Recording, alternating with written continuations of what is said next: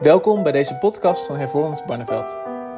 In deze podcast zijn de preken te beluisteren over het Bijbelstudieboekje Van Slavendienst naar Eredienst van dominee Langeweg en Molenaar.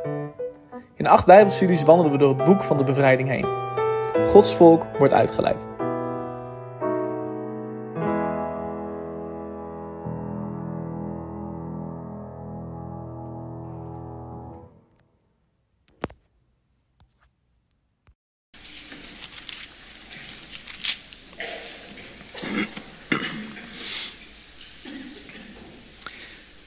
Exodus 40.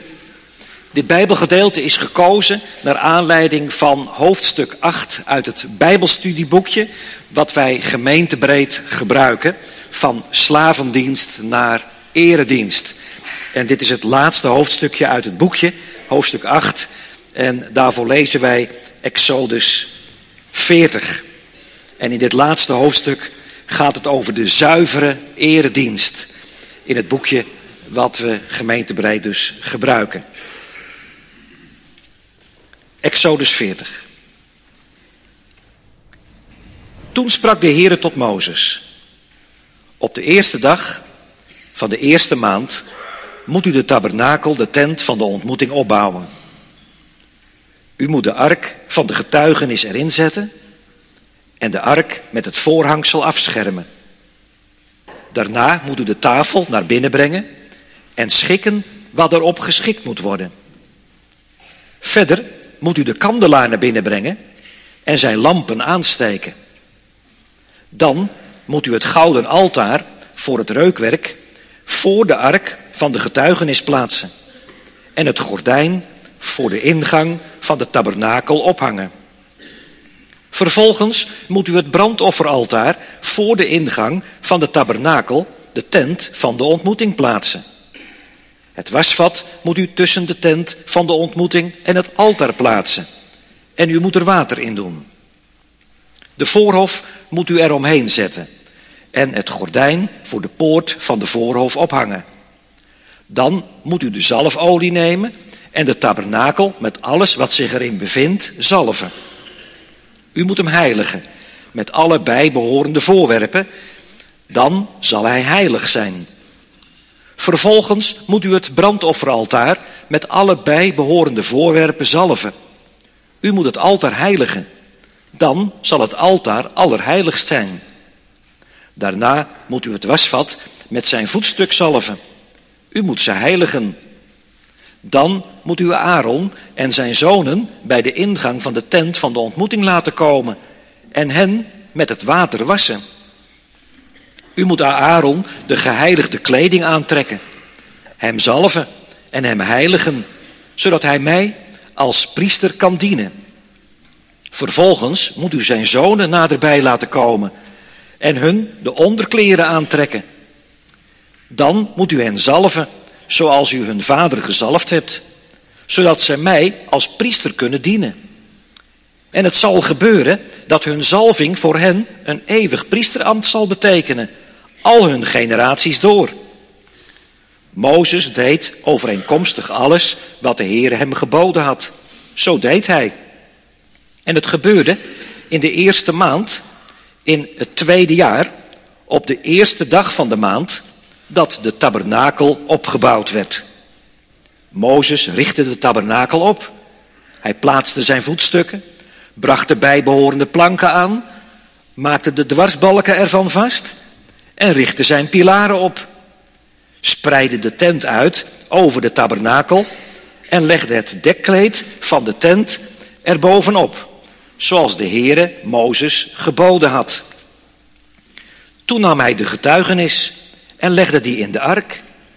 Hij bevestigde de draagbomen aan de ark en legde het verzoendeksel bovenop de ark. Hij bracht de ark in de tabernakel hing het voorhangsel ter afscherming op en schermde de ark van de getuigenis af, zoals de Heere Mozes geboden had. Vervolgens plaatste hij de tafel in de tent van de ontmoeting, aan de noordkant van de tabernakel, buiten het voorhangsel. En hij schikte daarop het brood dat erop geschikt moest worden, voor het aangezicht van de Heere, zoals de Heere Mozes geboden had. Vervolgens zette hij de kandelaar in de tent van de ontmoeting tegenover de tafel aan de zuidkant van de tabernakel. En hij stak de lampen aan voor het aangezicht van de Heere, zoals de Heere Mozes geboden had. Daarna zette hij het gouden altaar in de tent van de ontmoeting, voor het voorhangsel. En hij liet erop geurig reukwerk in rook opgaan, zoals de Heere Mozes geboden had. Ook hing hij het gordijn op voor de ingang van de tabernakel. En hij zette het brandofferaltaar bij de ingang van de tabernakel, de tent van de ontmoeting. Hij bracht daarop het brandoffer en het graanoffer, zoals de Heere Mozes geboden had. Vervolgens plaatste hij het wasvat tussen de tent van de ontmoeting en het altaar en hij deed er water in om te wassen. Mozes, Aaron en zijn zonen wasten daarmee hun handen en hun voeten. Telkens wanneer zij de tent van de ontmoeting binnengingen en het altaar naderden, wasten zij zich zoals de Heere Mozes geboden had. Hij richtte tenslotte de voorhof op, rondom de tabernakel en het altaar, en hing het gordijn van de poort van de voorhof op. Zo voltooide Mozes het werk. Toen overdekte de wolk de tent van de ontmoeting en de heerlijkheid van de Heere vervulde de tabernakel, zodat Mozes de tent van de ontmoeting niet kon binnengaan, omdat de wolk daarop bleef en de heerlijkheid van de Heere de tabernakel vervulde. Telkens als de wolk opsteeg van boven de tabernakel, braken de Israëlieten op tijdens al hun tochten. Maar als de wolk niet opsteeg, braken zij niet op, tot op de dag dat hij opsteeg. Want de wolk van de Heere was overdag op de tabernakel, en s'nachts was er een vuur in, voor de ogen van heel het huis van Israël, tijdens al hun tochten. Gemeente, jongeren en ouderen. Voor het bouwen van een kerk komt er heel wat kijken. Ja, het is een proces wat lange tijd in beslag kan nemen. Het gebouw moet aan meerdere eisen voldoen. Daarbij is ook de plek waar het gebouw komt te staan belangrijk. Maar als dat allemaal geregeld is, dan moet je ook weten wat het gaat kosten. Zijn de beschikbare financiën toereikend? Hoeveel wil de gemeente eventueel bijdragen? Kunnen de kosten ook gedrukt worden door vrijwilligerswerk? En er zijn nog veel meer aandachtspunten aan toe te voegen. Vanmorgen staan we stil bij de bouw van de tabernakel. Dat is de tent waar de Heere bij zijn volk Israël gaat wonen. Nou, daar is ook een hele uitgebreide voorbereiding aan vooraf gegaan. Er hoefde alleen geen architect bij betrokken te worden. Want God zelf presenteerde het bouwplan aan Mozes op de berg Sinaï. Het enige wat Mozes moest doen, dat is het bouwplan van God nauwkeurig doorgeven. Nou, dat bouwplan, dat kun je lezen in Exodus 25 tot en met 30. Alles is tot in de puntjes geregeld. God heeft zelfs twee mannen geroepen die leiding zullen gaan geven aan het bouwproject. Bezaliel heet de ene. En dat betekent in de bescherming van God. En zijn assistent, dat is Aholiab. Dat betekent tent van de Vader. Dus die twee mannen die leiding gaan geven aan dat hele bouwproject, die hebben de prachtige namen in de bescherming van God en de tent van mijn vader. Toepasselijke namen voor deze twee mannen die kunstenaars zijn. Maar nu is er iets wat mij extra opviel. In Exodus 31, vers 3, daar staat dit. Exodus 31, vers 3. Daar staat dit over Bezaliel. Ik heb hem vervuld met de geest van God. Daar komt het dus op aan.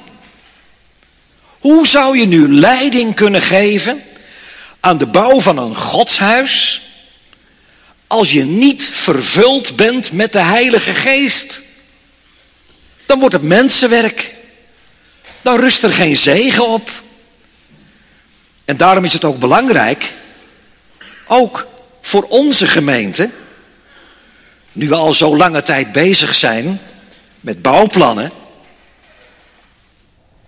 dat we ook bidden om leidinggevende mensen die vervuld zijn met de Heilige Geest. Zullen we dat ook doen? Bidden om leidinggevende mensen, vervuld met de Heilige Geest. In Deuteronomium 31, vers 3, daar lezen we wat Gods Geest aan Bezaliel schenkt. Hij geeft wijsheid, inzicht, kennis en allerlei vakmanschap. Maar deze twee mannen doen het werk niet alleen. Dat zou veel te veel zijn, dat kan helemaal niet. We lezen namelijk in het gedeelte wat we ook voor ons hebben, het Bijbelboek, dat er een aantal vakkundige mensen worden toegevoegd aan hen. God heeft die mensen wijsheid gegeven, zodat ze zijn werk kunnen doen. Dat is toch heerlijk samenwerken, ook in de gemeente van Christus. Mensen die vervuld zijn met de wijsheid van Gods geest. Dat schept een onderlinge band, een liefdesband. Dan wordt samen bouwen van een godshuis een feestelijke gebeurtenis. Maar deze twee mannen hebben nog een gave van God gekregen. Dat lezen we in Exodus 35, vers 34. Deze twee mannen, die hebben het vermogen om anderen te leren, staat er. En ook dat is belangrijk.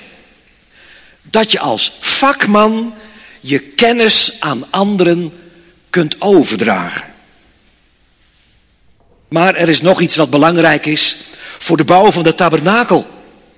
En dat gaat aan de bouw vooraf. In Exodus 25, vers 2 begint de Heere God namelijk met een opdracht. Er staat dit. Zeg tegen de Israëlieten dat zij voor mij een hefoffer nemen. Wat is dat een hefoffer? Nou, een hefoffer, dat is een vrijwillige bijdrage voor de bouw van de tabernakel. En dan noemt de Heere God de materialen op die nodig zijn.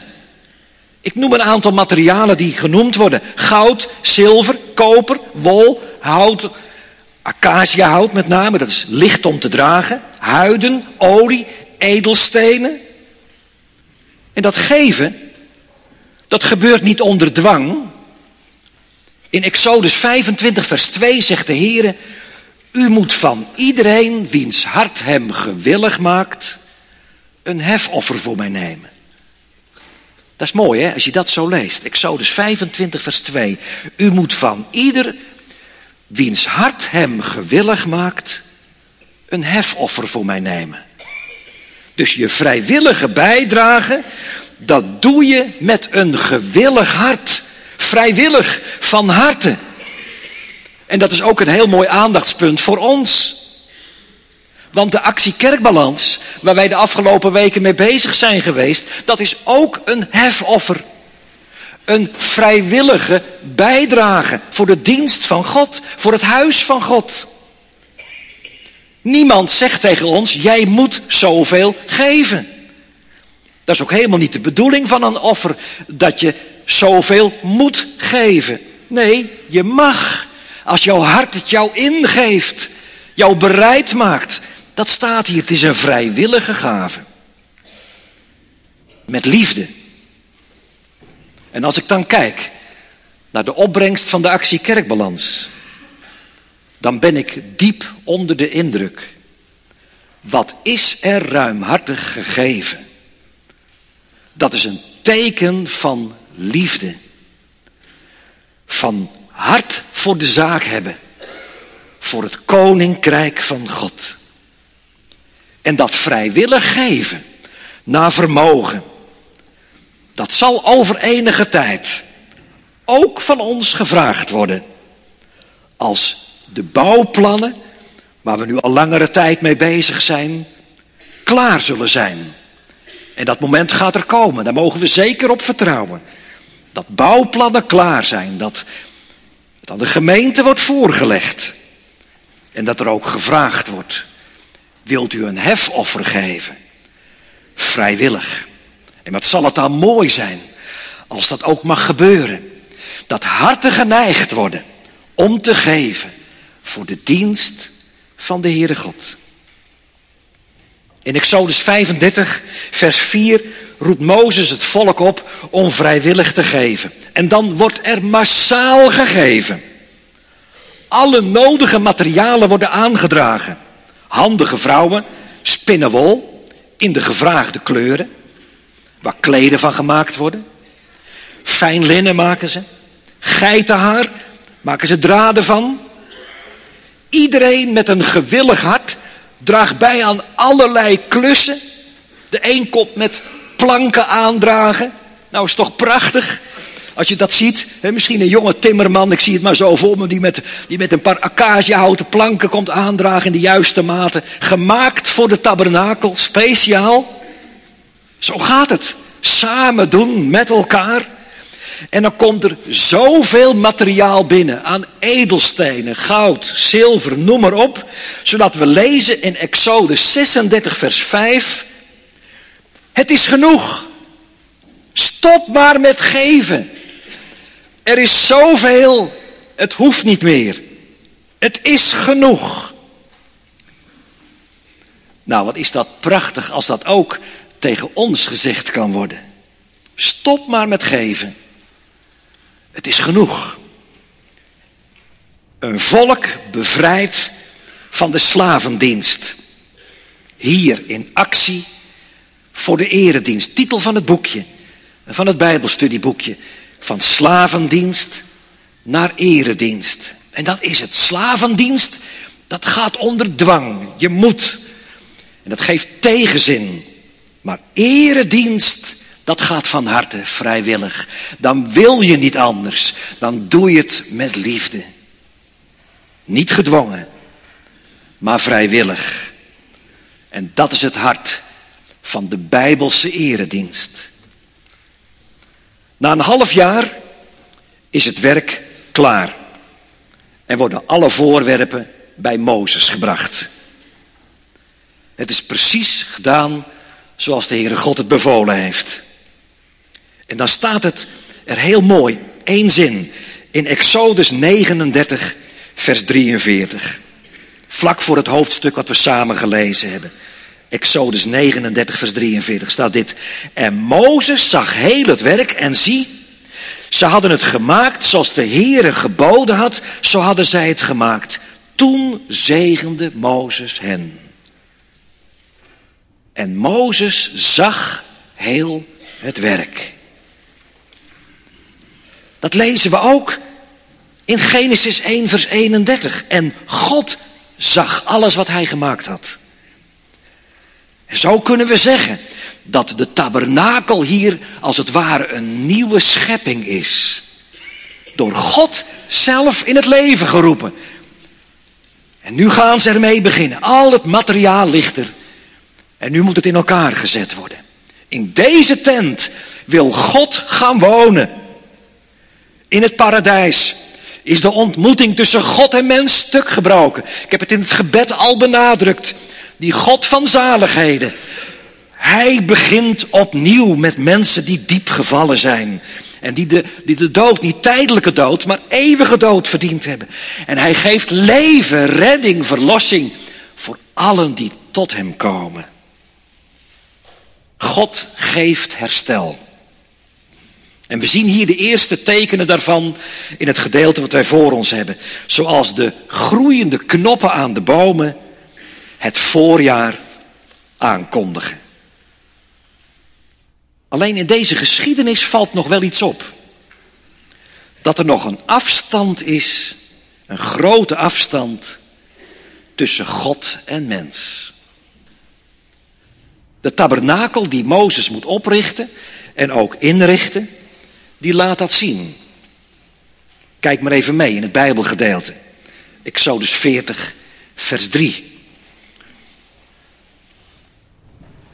Het eerste wat er in de tabernakel gezet moet worden, dat is de ark. De gouden kist. We hebben ook gelezen wat daarin is. De geboden, de kruik met manna, gouden kruik, de staf van Aaron.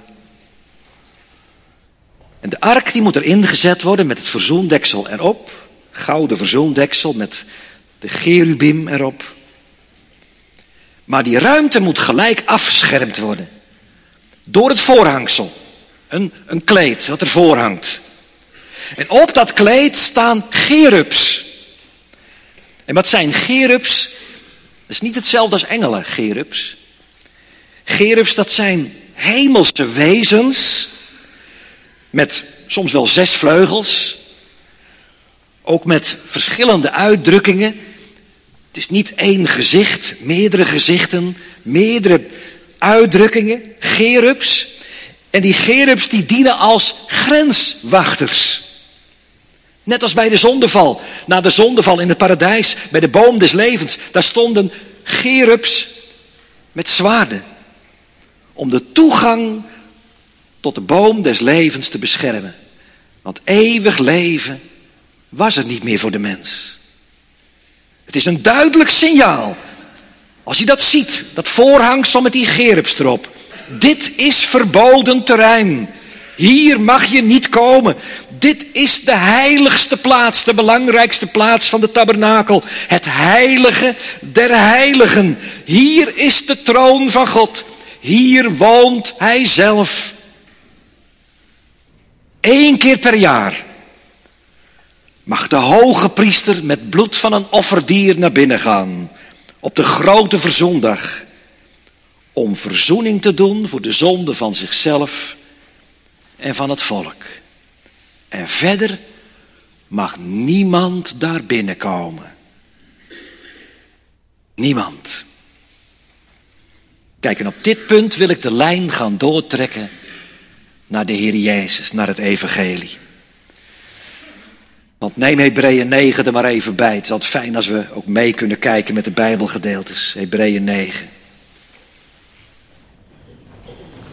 En als je dan kijkt in Hebreeën 9 en je ziet in vers 11 wat er staat, er staat dit. Maar toen is Christus verschenen, de hoge priester van de toekomstige heilsgoederen. Maar toen is Christus verschenen, de hoge priester van de toekomstige heilsgoederen. En hij komt niet met het bloed van een offerdier, staat er, maar hij komt met zijn eigen bloed. Bloed als symbool van het leven. In het bloed is het leven. Jezus geeft zijn leven om eeuwig leven te schenken aan allen die in Hem geloven. En als Hij sterft aan het kruis, onze heiland, in die diepe duisternis van drie uur, het is volbracht. Dan scheurt het voorhangsel voor dat heilige der heiligen. Dan in de tempel, niet meer de tabernakel, maar dan in de tempel. Dat voorhangsel scheurt door van boven naar beneden. Dat kon gewoonlijk helemaal niet, maar het gebeurt. De weg tot God is geopend. Het is geen verboden terrein meer. Verzoening is gebracht. Bloed heeft gevloeid. Leven door Jezus Christus, de grote hoge priester, die met zijn eigen bloed het heiligdom binnengaat. De weg naar God is geopend. Nou, dat was voor die tijd nog niet zo. De weg was dicht, afgesloten. Alleen de hoge priester ging binnen, één keer per jaar. In Hebreeën 9, vers 8 daar lezen we dit, dat de Heilige Geest het heeft duidelijk gemaakt. De weg naar het heiligdom is nog niet geopend, zolang de eerste tabernakel en ook de tent, de tempel, nog in gebruik was. Maar nu hebben wij vrij toegang tot God door Jezus Christus. Kijk maar in de versen 11 en 12 van Hebreeën 9. Daar staat het dat hij de grote hoge priester is. En hij is door de meerdere en meer volmaakte tabernakel gegaan. Die niet met handen gemaakt is. Dat wil zeggen, Jezus is naar de hemel gevaren. Zijn bloed meegenomen. En hij is de hemel binnengegaan. En dat wordt hier afgebeeld als de tabernakel. Jezus is door de hemelen heen gegaan. Door de voorhof van de hemel, bij wijze van spreken. En door het heilige naar het heilige der heiligen, de troon van God. En daar heeft hij zijn eigen bloed getoond. En verzoening teweeggebracht. Een eeuwige verlossing staat er. En dat laatste woordje van vers 12, daar zit een, een geweldige betekenis in. Hij heeft een eeuwige verlossing, en dan staat er dit, teweeg gebracht. Je zou er maar zo overheen lezen. En weet je wat teweeg gebracht betekent? Dat betekent, hij heeft het verworven. En dat houdt dit in. Jezus heeft die eeuwige verlossing tot zijn beschikking. Dat betekent het. Die verlossing die kan hij uitdelen en die wil hij ook uitdelen. En dat doet hij vanmorgen ook onder de verkondiging van het evangelie. Hij draagt het uit. Hij deelt het uit vanmorgen. Die eeuwige verlossing voor zondaars die het niet verdiend hebben. Hij beschikt erover. Niemand van ons hoeft te denken, voor mij kan het niet, voor mij is er geen verlossing, voor mij is er geen redding, ik ben te zondig. Niemand hoeft dat te denken. O, ga tot Jezus, die heiland. Hij heeft het ter beschikking. Verworven. Teweeggebracht. Ook voor mij. Ook voor mij. Zijn bloed is voldoende om de grootste zondaar te verlossen. En hij nodigt je uit. Die grote hoge priester. Kom tot mij, alle die vermoeid en belast bent. En ik zal je rust geven.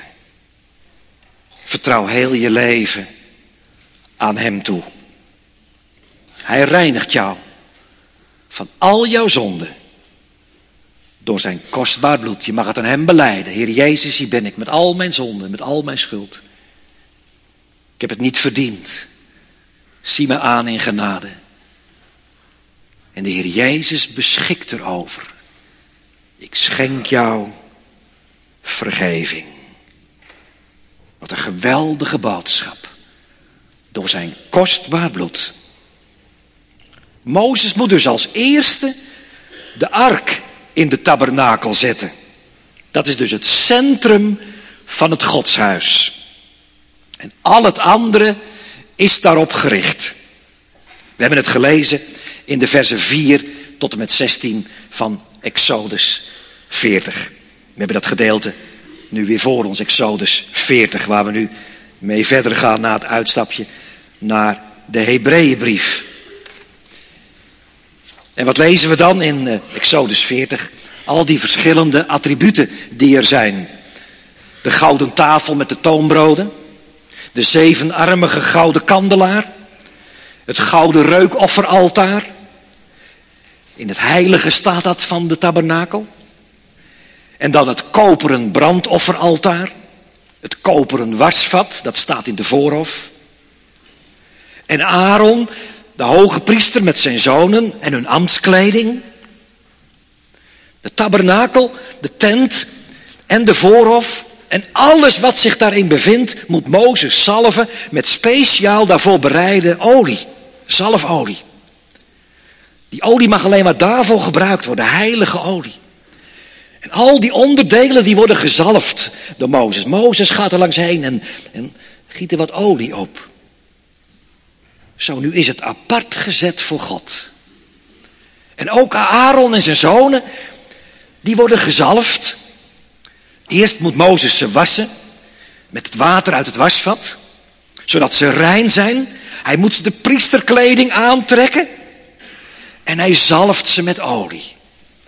En zo is het geslacht van Aaron altijd apart gezet om God als priesters te dienen.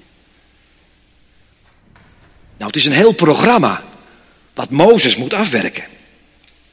En dat gebeurt allemaal op één dag. Op de nieuwjaarsdag.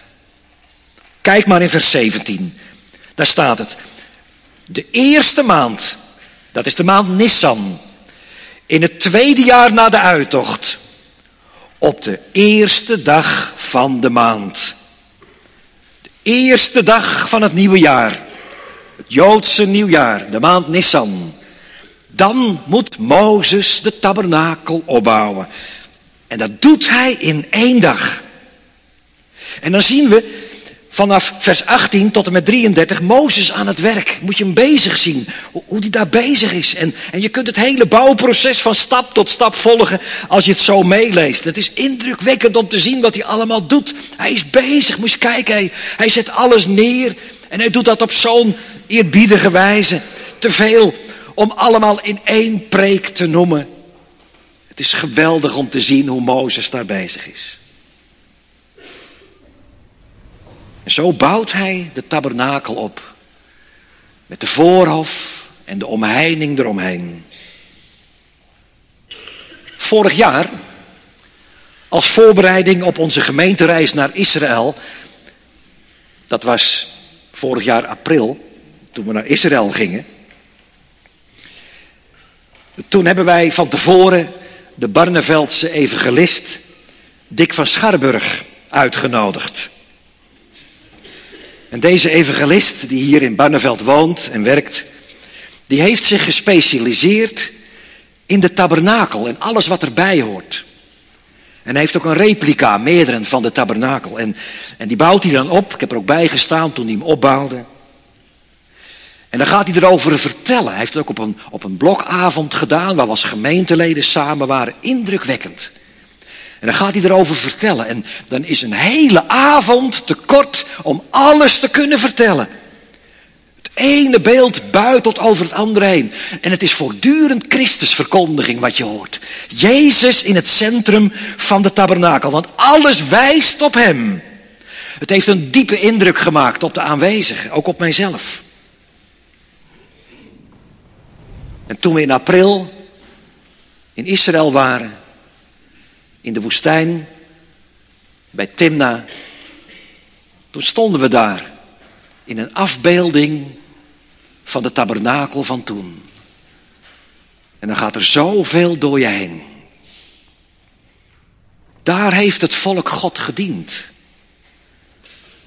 Op zo'n bijzondere wijze.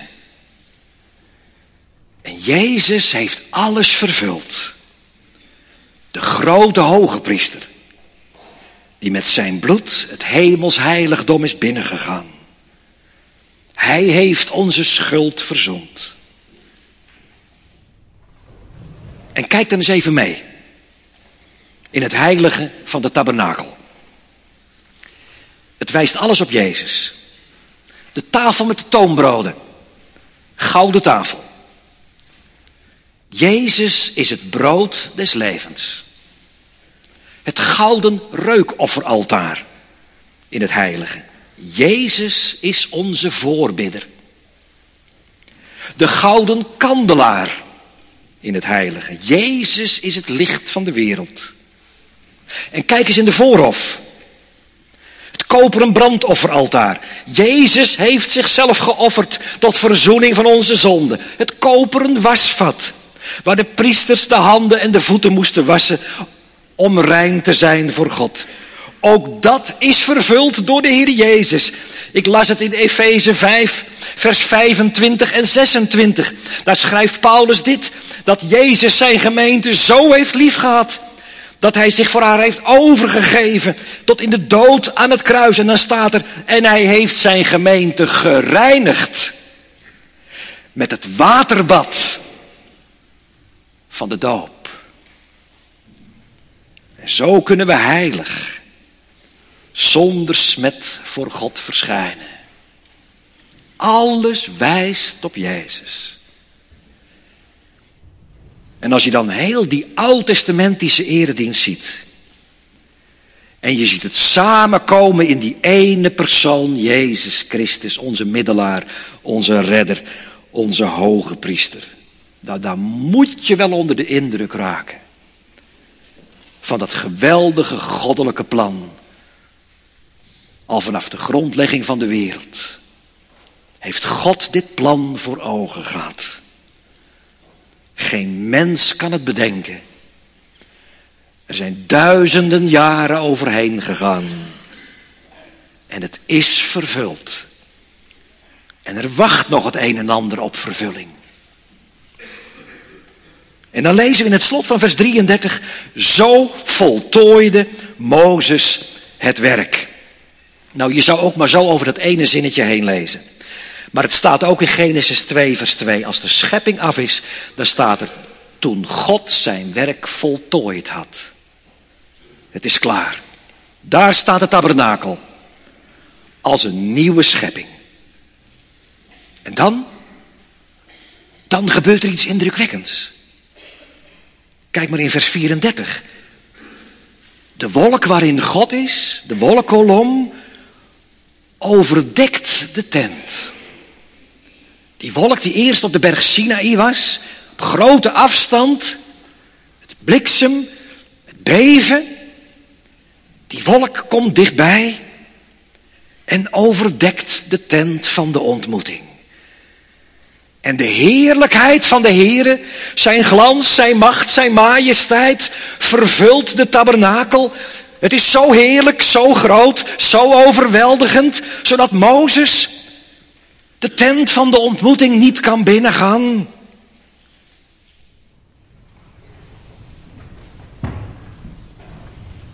Het was gistermorgen, half twaalf. Ik was op dit punt aangekomen van mijn preek. En ik wilde het afmaken, afschrijven. Maar ik had afgesproken om bij een broeder uit onze gemeente langs te gaan, die op het sterfbed ligt. Ik wist ook nog niet helemaal goed wat ik over de heerlijkheid van de Heer zou gaan zeggen en schrijven. Maar deze broeder ging nu voor, daar moest ik heen. Hij staat op de drempel van het ingaan in de heerlijkheid van God. Ik sloot mijn computer af met een beetje pijn van binnen. Ik wilde zo graag verder schrijven, maar het stopte. Tijdens het bezoek wat ik even later bracht, wees een van de aanwezige kinderen mij op een klein schilderij. Gemaakt door hun moeder, die nu al in Gods heerlijkheid mag zijn. Vader wilde er vanuit het ziekbed, wat zijn sterfbed wordt, naar kunnen kijken. Een straatje met van die traptreden zoals je ziet in het oude Jeruzalem. Het was alsof ik mij begaf naar Jeruzalem toen ik ervoor ging staan. En ik waande mij in de straten van het oude Jeruzalem. Straatje liep omhoog, loopt omhoog naar, naar een boog. En achter die boog, het komt naar buiten toe een helder licht. En traptreden naar boven die vervagen in het licht. Een moeder met een klein kind aan de hand staat voor de traptreden. Het kindje heeft de arm omhoog geheven. Het wil daarheen, naar het licht, naar het licht. En de moeder geeft haar kindje over. Vader en vijf kinderen staan op de achtergrond en kijken mee. Het is hun eigen familiegeschiedenis. En nu mag vader gaan. Moeder en kind zijn er al. In diezelfde heerlijkheid. Toen ik naar huis fietste, heb ik de Heilige Geest gedankt. Dank u, Geest van God, dat u dit gegeven heeft. Ik wilde mijn preek afmaken, maar het kon niet. U heeft de preek afgemaakt. Nu is het klaar. Ik hoefde alleen maar op te schrijven wat Gods geest mij had laten zien en horen. In die ziekenkamer, wat een sterfkamer wordt. Daar straalde de heerlijkheid van God. Zo heerlijk, zo overtuigend. Alsof je in de heerlijkheid zelf al mocht binnengaan. Zo dichtbij. Zo onbeschrijfelijk. Zo verliefde. Al een, al een voorproefje. Wat het op Gods tijd zal zijn. Openbaring 21. En ik zag een nieuwe hemel en een nieuwe aarde. Ik zag de heilige stad, het nieuwe Jeruzalem. En ik hoorde een stem uit de hemel. Zie de tent, de tabernakel van God is bij de mensen. En hij zal bij hen wonen. En hij zal alle tranen van hun ogen afwissen.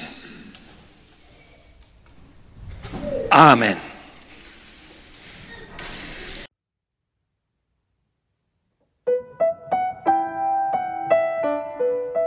Dit was een podcast van Hervormd Barneveld.